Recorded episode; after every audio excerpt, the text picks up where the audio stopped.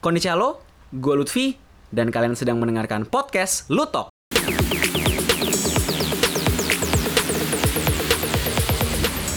Dan di episode ke-24 alias episode season 2 episode 11 ini gue akan membahas sebuah topik ya Di mana ini kita akan ke event lagi ya Setelah gue kemarin tuh em, menceritakan tentang event yaitu Komifuro ya pada episode season 2 episode 3 Sekarang gue akan menceritakan lagi tentang Komifuro lagi ya. Kayak gue tuh nggak bosan-bosan sih membahas Komifuro gitu. Kenapa? Karena Komifuro sendiri merupakan suatu acara yang unik gitu. Suatu acara yang kalau eh, orang bilang anomali gitu. Karena meskipun diadakan dua kali dalam setahun gitu. Yang menurut gue zaman dulu ini merupakan event yang nggak mungkin lah dua kali dua kali setahun lo bisa rame. Tapi rame terus dan terus rame gitu ya kan? Bener-bener masih rame sampai sekarang. Sampai gue kemarin ke Komifuro yang ke-13 itu wah gila masih padet terus juga masih banyak orang masih banyak cosplayer yang dateng gitu kan ini kontras banget sama suatu event ya yang namanya AVA gitu Anime Festival Asia gitu memang memang pada awalnya AVA sendiri Anime Festival Asia sendiri merupakan se- sebuah event atau sebuah acara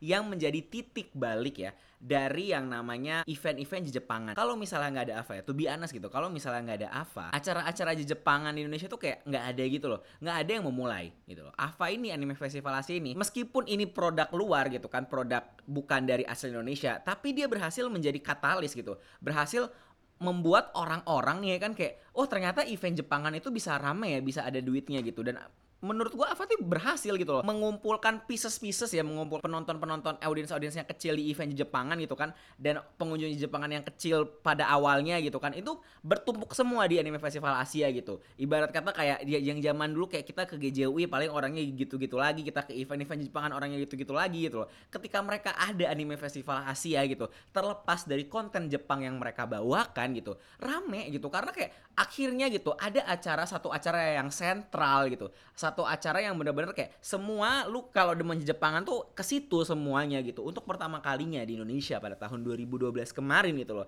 Yang sayangnya gue pas tahun 2012 kemarin karena alasan eh, kuliah waktu itu karena pertama kali masuk jadi gue nggak bisa datang pertama-tama. Tapi itu katalis sih.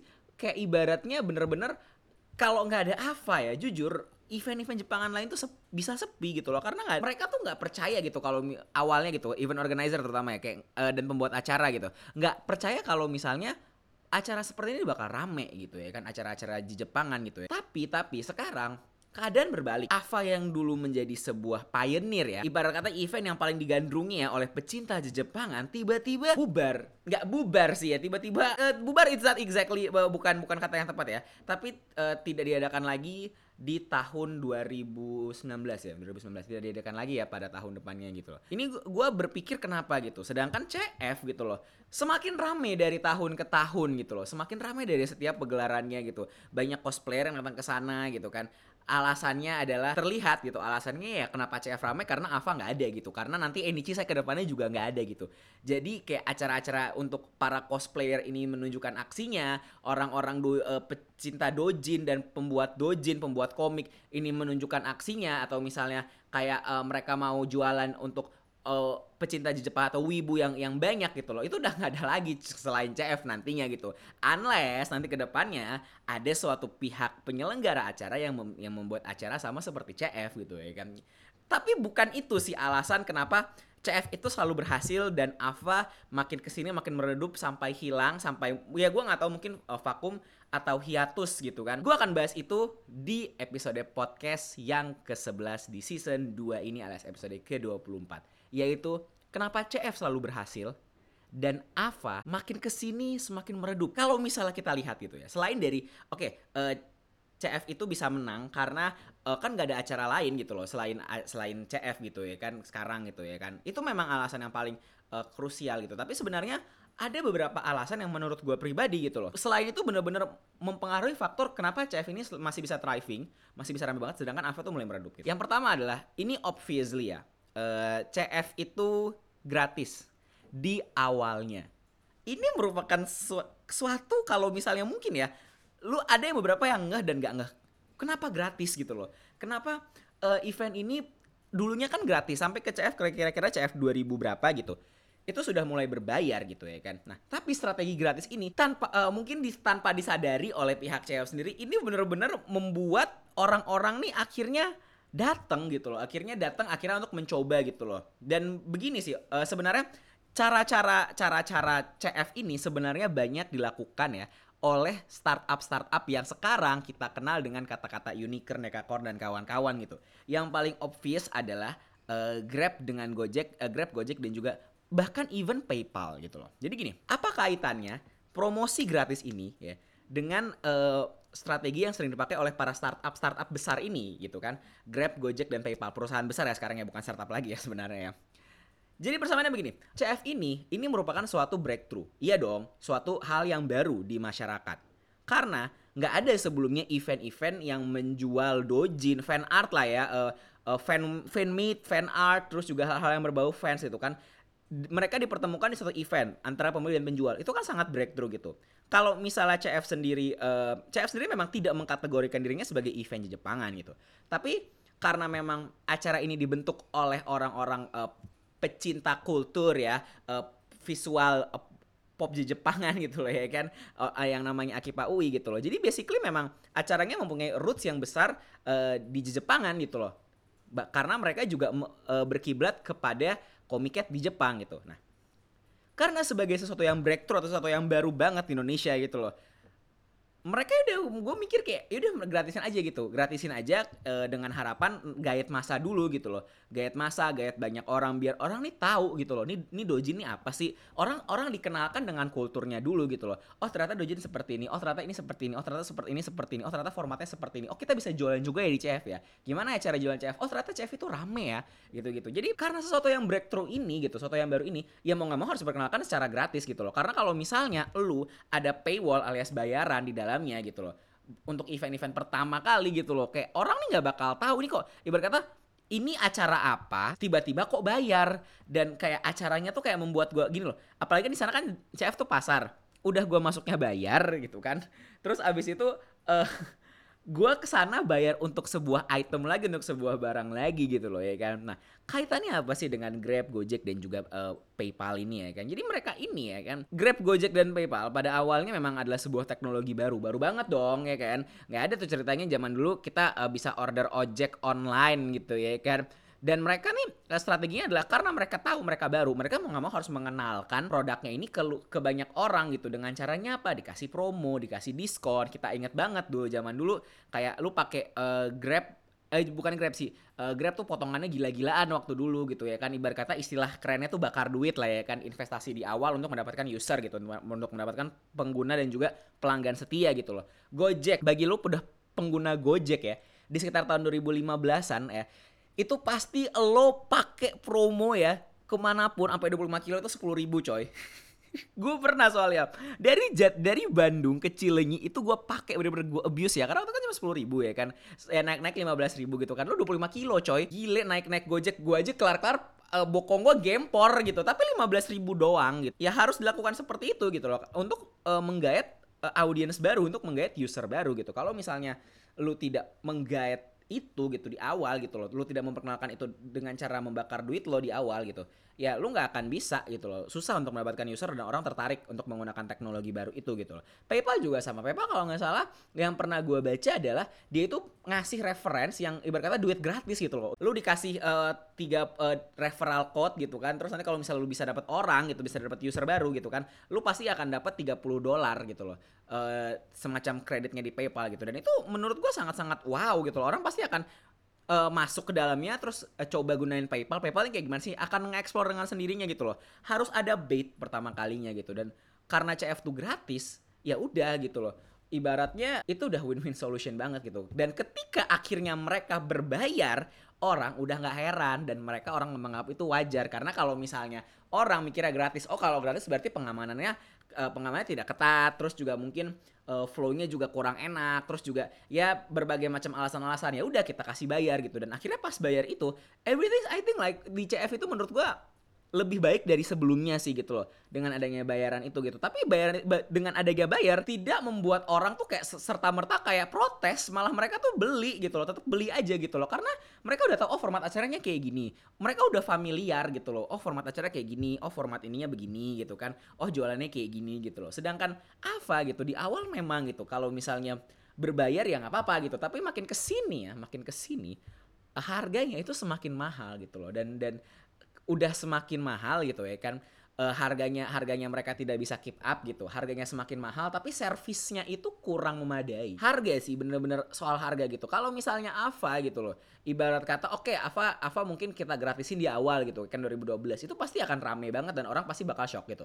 Ya kan 21 tahun 2 tahun 3 tahun mereka bleeding money bleeding money gitu kan mereka uh, bakar duit gitu kan ya kontennya kontennya ya mungkin lebih biasa aja gitu. Tapi pas 2014 mereka bayar dan kontennya wah orang pasti akan willing to pay orang pasti akan kayak oh ya udah nggak apa-apa toh gue udah tahu Ava formatnya kayak gini kayak gini kayak gini kayak gini dan udah nyaman AC segala macam ruangannya indoor konsernya bagus segala macam gitu loh. Ih gitu, gitu. Bisa sebenarnya gitu. Yang kedua dan menurut gue ini ada per perbedaan ya yang cukup mencolok. Mungkin vibe atau suasana ya yang diberi yang yang ketika lu masuk CF dan ketika lu masuk AVA itu suasananya akan sangat sangat sangat sangat berbeda sekali. Di CF gitu loh ketika lu masuk Komifuro itu udah kerasa banget ya. Itu aura usernya gitu. Aura aura apa ya? Aura penggunanya gitu. Aura pengunjungnya gitu. Jadi maksudnya adalah gini ketika lu masuk ke CF lu kayak bisa bercengkrama dengan pengunjung pengunjung di situ even though lu nggak tahu itu siapa gitu loh. Ya kan? Kayak ibaratnya lu bisa di CF itu ibarat kata kayak wah udah bisa uh, ketemu orang, ketemu banyak ketemu orang juga, banyak ketemu ketemu booth juga gitu, banyak ketemu uh, artis yang memang lu kan di internet tiba-tiba muncul di online apa muncul di real life gitu ya kan. Terus habis itu juga lo bisa banyak melakukan hal-hal activity yang mulai dari yang serius sampai yang konyol gitu. Meskipun banyak yang konyol gitu. Seperti yang udah gua ungkapkan di episode podcast gua ya yang kemarin gitu loh. Kenapa sih Komifuro banyak meme? Ya kan itu akan itu akan berkaitan gitu loh kayak Komifuro tuh kenapa banyak meme, banyak uh, wah hal-hal yang lucu. Karena emang ibarat kata di CF gitu banyak potensi kayak karena mereka kan bebas berkarya gitu. Nggak ada nggak ada restriksi nggak ada apa-apa gitu. Jadi mereka kayak bebas berkarya aja gitu kayak berkarya sesuka hati aja. Dan akhirnya dengan kayak gitu akhirnya memunculkan namanya viral terus konten-konten yang memang uh, ketika di sosial media ketika di internet itu akan menjadi laku gitu kan. Banyak kejadiannya mulai dari yang robek poster ya kan sampai cosplay jadi uh, maskotnya Tirto ya kan. Sam wah banyak lah pokoknya gitu kan spray anti wibu gitu. Karena di CF itu kayak lo bebas ngelakuin apa pun dan memang uh, di aturannya memang tidak ada restriksi gitu. Asalkan lo balik lagi gitu meski uh, kebebasan yang bertanggung jawab gitu loh. Lo boleh bebas tapi lo juga harus bertanggung jawab gitu ya kan. Nggak boleh rusuh-rusuh banget lah gitu loh. It's bisa di situ semua gitu. Even drama pun, even drama drama do gitu kan. Itu juga akan ada endingnya buat uh, penggunanya gitu ya kan. Kalau Ava ketika lu masuk, wah gila kayak beda banget suasananya gitu loh beda banget lo uh, oke okay lah di tahun-tahun awal 2012 13 14 karena belum ada acara yang seperti itu. Masih banyak eh, konten-konten yang uh, pengunjung berikan ke sosial media mereka gitu loh. Misalnya kayak oh foto bareng di uh, boothnya Animax foto bareng standingnya Keon gitu-gitu. Tapi itu ter, itu selalu dilakukan berulang-ulang gitu. Karena mereka pikir oh ya udah kalau misalnya uh, kayak gini karena memang banyak yang foto kita lakukan berulang-ulang. Ya bosan orang gitu loh vibe-nya akan bosan dan terkadang mereka juga uh, salah pilih kurasi anime gitu loh. Anime yang seharusnya oh ini bisa laku gitu kan uh, nggak dibawa gitu loh. Atau artis yang bisa laku tuh nggak dibawa gitu. Mereka tidak ibarat kata tuh mereka tuh tidak tidak mendengar apa kata user mereka sendiri gitu. Sedangkan untuk acara Jepangan sendiri ini sangat-sangat bergantung sama yang namanya pengunjung yang datang gitu loh. Karena ibaratnya mereka juga nggak mau kalau misalnya pengunjung yang datang itu eh, nggak uh, ada experience di sana nggak ada cerita yang di sana gitu ya kan. Ya sepi-sepi aja nggak mau mereka gitu loh. Dan di Komifuro pun kayak banyak cosplayer juga gitu. Lo bisa lo bisa foto bareng cosplayer di luar even though lu lu nggak mau ah, nggak pengen bayar tiket buat masuk gitu loh. Dan ujung-ujungnya pun lu mau foto sama cosplayer lu pasti akan penasaran buat masuk juga gitu. Itu cosplayer tuh kayak penarik penarik juga gitu ya kan.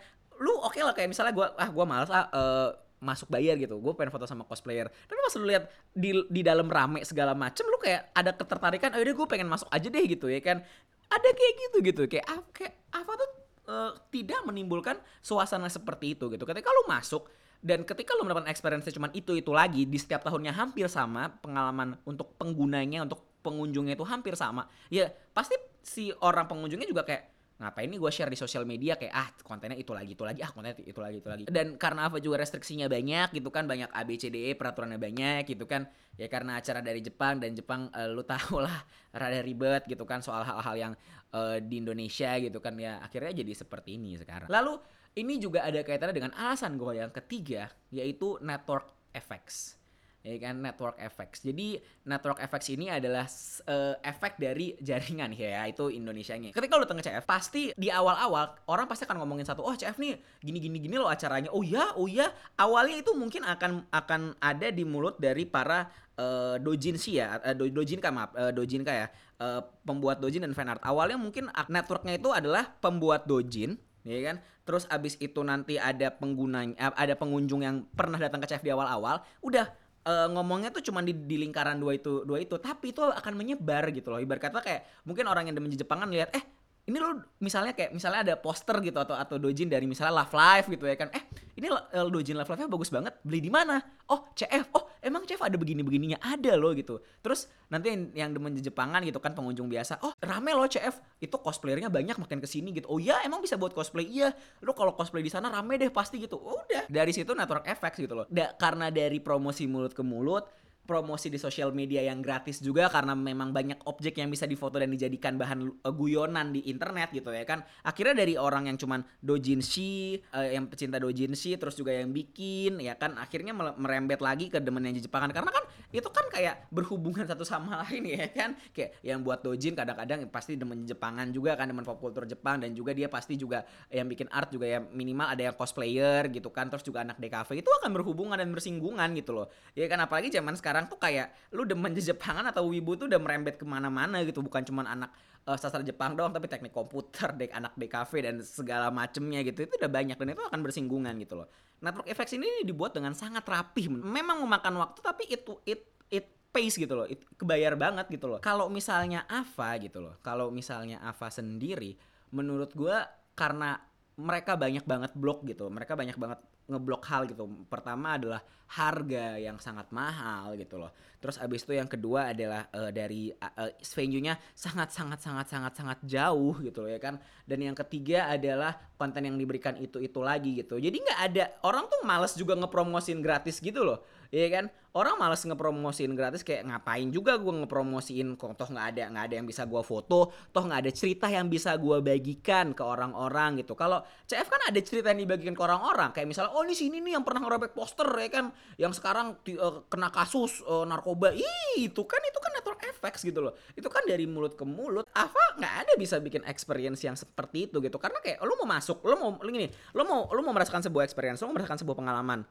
Bayar mahal banget. Terus non jauh di sana eventnya. Untuk lo orang-orang yang tinggal Jakarta Selatan dan daerah sekitarnya J Expo tuh jauh gitu loh. Ujung dunia banget. Karena itu kayak dikit lagi Kemayoran itu udah Mangga dua coy kalau lu emang daerah-daerah Mangga dan dan sekitarnya memang akan terasa dekat gitu. Tapi kalau misalnya lu kayak selatan barat itu akan sangat sangat sangat jauh. Apalagi kemarin gitu kan di ICE wah gila lebih jauh lagi coy.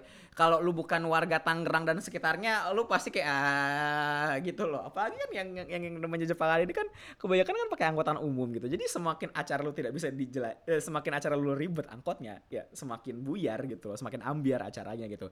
Dan itu tidak akan menghasilkan network effects gitu. Itu tidak akan menghasilkan yang namanya promosi mulut ke mulut yang menurut gua sangat sangat sangat krusial di sebuah event Jepangan gitu loh. Karena kalau misalnya event Jepangan lo tidak uh, bisa menampilkan itu gitu loh, lo tidak bisa menampilkan sebuah sensasi atau misalnya tidak menampilkan sebuah sesuatu yang bisa dibagikan ke uh, pengguna eh, ke pengunjung lo it will fail gitu loh. Itu akan itu akan turun dengan sendirinya gitu loh. Dan juga nih yang terakhir ya, sebenarnya obvious sih. Orang datang karena rame. Dan sebenarnya ini merupakan sebuah psikologi pasar gitu loh. Ya kan? Ingat gak sih zaman zaman dulu kita itu ada yang namanya es kepal Milo gitu kan? Wah dulu kan es kepal Milo kan kayak rame banget gitu. Meskipun rasanya bener-bener isinya gula semua karena lu bayangin itu es Milo udah manis banget kan susu yang manis gitu kan terus habis itu lo, lo kasih uh, susu kental manis ya kan lima uh, lebih dari 5 sendok ya gimana lu kagak enak gitu loh makan es kepal Milo dikasih meses lagi gitu kayak gula ketemu gula ketemu gula tapi rame ya kan Uh, tapi orang-orang pada berdatangan karena kelihatannya rame aja kayak ibarat kata kayak suka nggak es kepal Milo? Enggak, enggak terlalu suka tapi karena rame aja orang doyan gitu ya kan. Uh, orang nih nggak maksudnya gini. Ini psikologi pasar sih, psikologis pasar gitu. Orang datang karena rame. Dan Komifuro selalu ada gitu dan dan selalu menjadi buah bibir ya ibarat kata ya. Selalu menjadi perbincangan gitu kan. Karena ya rame gitu loh. Dan rame dan karena rame dan terlihat rame juga orang-orang akhirnya berdatangan gitu loh. Kayak ini acara apa sih? Kok rame banget sih? Ih ini acara apa sih? Kok rame banget sama cosplayernya? Rame banget sama pengunjungnya? Rame banget sama yang buka bootnya itu buka boot yang di CF itu gede-gede loh. Kyo ID terus juga dari Dojin dari ada Ghostis Comic juga terus juga dengan uh, berbagai macam uh, Bumi Langit juga buka di situ gitu loh, even Manggatun gitu loh, company gitu loh. Dan if dan beberapa dojinsi dojinsi yang lainnya terkenal di internet gitu loh itu muncul semua di situ gitu loh. Karena ya rame er, dari dan ramenya itu bukan rame pengunjung ya. Rame cosplayer rame orang yang buka booth rame yang buka booth yang memang kelasnya udah kelas yang udah memang kelas kakap lah ibarat kata yang emang udah terkenal banget di internet gitu kan. Dan juga uh, banyak banget hal-hal yang kata kuncinya adalah rame itu gitu loh ya kan? Jadi udah gitu loh karena karena mis karena sarananya udah ada gitu terus juga yang dateng terus juga yang buka but juga rame juga gitu kan dan selalu habis dalam beberapa menit gitu loh orang datang itu psikologis pasar gitu. Sedangkan kalau misalnya Uh, dan itu menarik dari itu akhirnya menarik menarik orang-orang di sekitarnya gitu kan menarik menarik menarik uh, para wibu ini akhirnya untuk datang juga gitu karena wah rame banget nih dan gak ada lagi acara yang kayak uh, eh, CF untuk sekarang gitu acara Jepangan yang bisa menampung uh, hasrat dari para wibu ini gitu. Even though gitu, walaupun walaupun CF itu tidak memposisikan dirinya sebagai acara Jepangan. Ava sendiri karena akhirnya ujung-ujungnya sama karena banyak batasan, banyak paywall, terus juga uh, konten yang diberi. Kadang-kadang gini lah yang paling lucu, Ava nih ngasih survei, ya kan? Tapi surveinya ini kayak nggak di kayak ibarat kata bukan nggak dibaca ya. Mungkin kayak ya udahlah survei-survei doang gitu, cuma buat formalitas mungkin gitu loh. Dan akhirnya konten yang dibawakan ini mismatch sama selera orang Indonesia yang lagi hype saat ini gitu loh. Sangat-sangat mismatch, sangat-sangat uh, tidak sesuai, tidak sesuai. Jadinya sepi gitu loh. Dan akhirnya mereka gagal mendapatkan psikologis pasar itu, teori psikologis pasar yang orang datang karena rame gitu. Kayak ibarat kata kayak ah sepi acaranya teman-teman gue pada nggak datang ngapain gue ngapain gue join gitu loh kayak gitu nah tapi tapi tapi setiap uh, event ini mempunyai tantangan sendiri ya kan agar bisa maju ke depannya. Do Ava meskipun nggak ada tapi meski menurut gua Ava tuh bisa comeback sebenarnya. Ava ini bisa comeback asalkan mereka lebih menaruh perhatian pada pasar Indonesia, lebih melakukan riset pasar kepada apa sih yang orang Indonesia mau bener-bener uh, dalam dan dilakuin gitu loh. Kalau misalnya mereka mau rela bleeding money ya kan kalau misalnya mereka mau menghidupkan brand Ava lagi gampang, Ava dijadiin murah aja. Ava kalau misalnya harga masih tiga puluh ribu, tapi lo bisa nonton lo nonton Anisong bakal kena cas lagi gitu ya kan, ya lu mahalin di harga Anisong gitu kan, bisa-bisa aja gitu loh. Karena memang Ava kan asal dari Singapura. Karena memang market Singapura yang sangat-sangat sudah jadi negara maju karena populasi dikit dan uh, wilayahnya juga dikit gitu ya kan akan sangat berbeda dengan Indonesia gitu. Yang populasinya uh, banyak dan uh, beragam lah orang-orangnya gitu sifat-sifatnya gitu. Nggak nggak ya nggak bisa homogen gitu. Wibu di sini heterogen semua banyak-banyak yang beda-beda orangnya gitu loh. Asalkan mereka mau belajar market Indonesia lebih gitu loh. Asalkan mereka mau mendengar apa yang user apa yang pengunjung mereka dulu-dulu yang mereka mau gitu loh dan dan mereka banyak-banyak mengurangi batasan-batasan kayak semacam harga gitu kan. Harga mereka ya udah 30 ribu dan segala macem lebih murah meskipun venue-nya di ujung. Gue yakin Ava nih bisa bakal epic comeback gitu. Tapi karena memang yang gue lihat sejauh ini ya belum ada sampai podcast ini dibuat belum ada tanda-tanda dan mereka menggantinya dengan brand lain yang sebenarnya technically ya kan copycat dari CF gitu kan yang menurut gue juga kayak oh dude it's not that impactful gitu loh menurut gue. Menurut gue uh, oke okay, uh, impact tapi masalahnya balik lagi gitu. Kalau misalnya event-event apa pun lah yang berafiliasi dengan uh, AVA gitu-gitu. Kalau misalnya masih ada banyak batasan, it will not be impactful gitu loh. Karena di Indonesia ini batasan sendiri tuh menurut gua bisa lu terapin kalau misalnya di awal orang udah puas gitu loh. Ketika di orang di awal udah puas gitu, mereka dikas uh, mereka diambil satu-satu tuh kan duitnya atau mereka diambil pelan-pelan uh, mereka ada batasan-batasan. Ya orang nggak peduli, yang penting di awal gua udah puas, coy gitu loh. Mau ada batasan-batasan berikutnya ya udah gitu loh. Toh gue juga toh gue juga udah nyaman dengan produk lu toh gue juga udah nyaman dengan acara lu toh gue juga udah tahu acaranya rame dan bakal mendatangkan keuntungan buat gue dari segi pribadi dan juga dari segi uh, dari segi pribadi dan juga emosional gitu. Dan juga mungkin dari segi value gitu. Ya gue ada batasan pun juga nggak apa-apa gitu sih. Dan CF menurut gue sebenarnya bisa turun sih sebenarnya bisa turun sebenarnya bisa uh, rada drop nanti dari tahun ke depan kalau mereka nggak melakukan inovasi. Inovasi di event karena banyak yang bilang bahwa acara CF tuh itu itu aja gitu loh kayak ya gitu gitu aja. Tapi karena CF juga memposisikan dirinya sebagai pasar jadi ya sudah gitu loh. Tapi kalau misalnya hanya pasar gitu loh pasar yang orang nunggu selama enam bulan sekali atau apa gitu or tidak melihat uh, dari segi cosplaynya juga ah, banyak loh cosplay di situ gitu ya kan. Ibarat kata tuh kayak lebaran sebenarnya gini CF itu tuh kayak lebarannya cosplayer apalagi setelah NDC saya nggak ada gitu loh. Dan kalau lu mengharapkan ada Jakarta Cosplay Parade kayak ya itu acaranya juga jarang-jarang kan gitu kan. Kalau misalnya CF nih ya bisa berinovasi bukan hanya mm, memposisikan diri dia sebagai pasar gitu ya kan tapi dia bisa menjadi acara wadah buat cosplayer wadah buat para industri kreatif yang gede-gede masuk dan memper, memper tontonkan uh, aca mau mempertontonkan karyanya di situ gitu loh. Dan banyak banyak perusahaan besar yang masuk karena karena mereka tahu perusahaan besar ini maunya apa sih gitu loh. Oh maunya begini begini begini begini dan mereka bisa uh, mengintegrasikan itu dengan spirit komunitasnya CF gitu loh. CF will be eh, CF menurut gue bakal uh, akan terus bertahan lama gitu. Inovasi aja sih yang CF kurang gitu ya kan. Kita akan lihat nanti gitu loh. Apakah AFA akan bisa comeback seperti yang uh, eh, gue bilang gitu kan atau KCF akan terus melakukan inovasi dan akhirnya menjadi uh, acara uh, acara yang paling ditunggu-tunggu sama semua orang mungkin sampai lima uh, tahun ke depan bukan hanya dari pelaku yang pecinta Jepangan tapi juga dari industri kreatif gitu ya kan kita lihat nanti aja gitu. Time will tell yang jelas itu sih tadi alasan-alasan kenapa untuk sampai sekarang gitu loh uh, CF selalu thriving dan Ava sekarang sudah mulai melemah. Kamu bisa memberikan pendapat tentang episode ini melalui suara. Langsung aja ya, klik bit.ly garis miring pesan ke Lutok. Sekali lagi ya, bit.ly garis miring pesan ke Lutok. Pesan yang menarik bakal muncul di episode podcast Lutok berikutnya.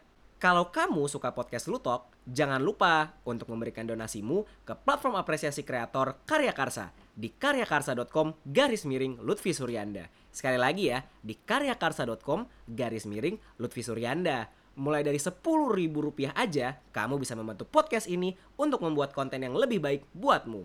Terima kasih telah mendengarkan podcast Lutok. Follow atau subscribe podcast ini di platform podcast favoritmu.